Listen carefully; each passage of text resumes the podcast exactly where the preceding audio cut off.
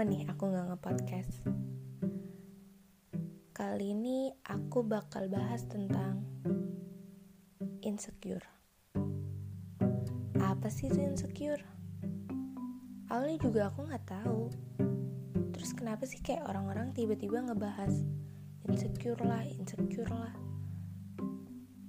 Sampai pada akhirnya Aku tahu insecure.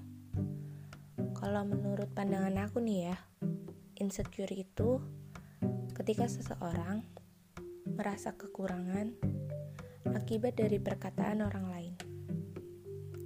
Yang padahal orang lain itu juga punya kekurangan. Padahal kan hakikatnya manusia nggak ada yang sempurna ya. Sampai pada akhirnya di awal semester 3 kemarin aku ketemulah sama sahabat aku di Semarang. Terus aku nanya tuh, ini kenapa orang-orang tiba-tiba ngebahas insecure sih? Kamu juga insecure? Aku nanya gitu kan? Terus dia jawab, apaan sih insecure-insecure? Gini-gini, sekarang aku jelasin. Eh, aku menanya dulu deh, kata dia kan. Udah aku jawab, nanya apaan? Pernah lihat orang buta? Terus aku jawab dong, pernah. Terus dia bilang lagi, apa dia bisa ngeliat wajah dia? Atau enggak penampilan dia tiap hari gitu? Aku jawab, enggak lah, kan dia buta ih ngaco nanyanya terus dia nanya lagi pernah ngeliat orang bisu? Aku jawab lah nggak pernah sih. Tapi kalau semisal di sinetron pernah. Terus dia tanya lagi apa orang bisu bisa ngomong? Apa orang bisu pernah ngomongin kekurangan orang lain? Atau orang bisu pernah ngomongin kekurangannya sendiri? Aku jawab, ya enggak lah, ngaco banget. Kan bisu, mana ada bisa ngomong. Nah, sambil meneguk secangkir teh, dia diam. Aku nanya dong, loh kok nggak dilanjutin? Bentar, istirahat dulu, jawabnya. Selesai minum teh, dia nanya lagi, pernah ngeliat orang tuli?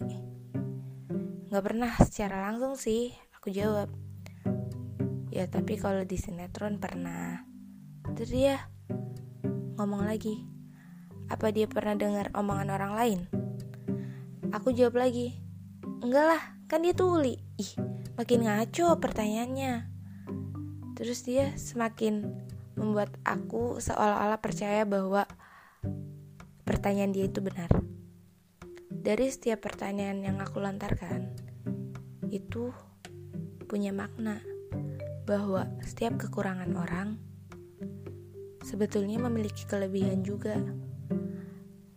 Aku pernah lihat orang buta yang bernyanyi dengan suara indah. Aku pernah melihat orang bisu yang melukis dengan indah. Dan aku pernah melihat orang tuli yang mahir dalam membuat puisi-puisi yang indah. Aku juga pernah baca quotes seekor kupu-kupu kupu-kupu. Iya maaf tipe. Seekor kupu-kupu yang memiliki sayap yang indah. Ia tidak akan pernah sadar dan tidak akan pernah bisa melihat sayap yang ia miliki. Jadi setiap orang itu harusnya bersyukur punya kelebihannya masing-masing. Gak usah dengerin kata-kata orang. Kayak kamu yang bilang tadi tuh insecure insecure bersyukur.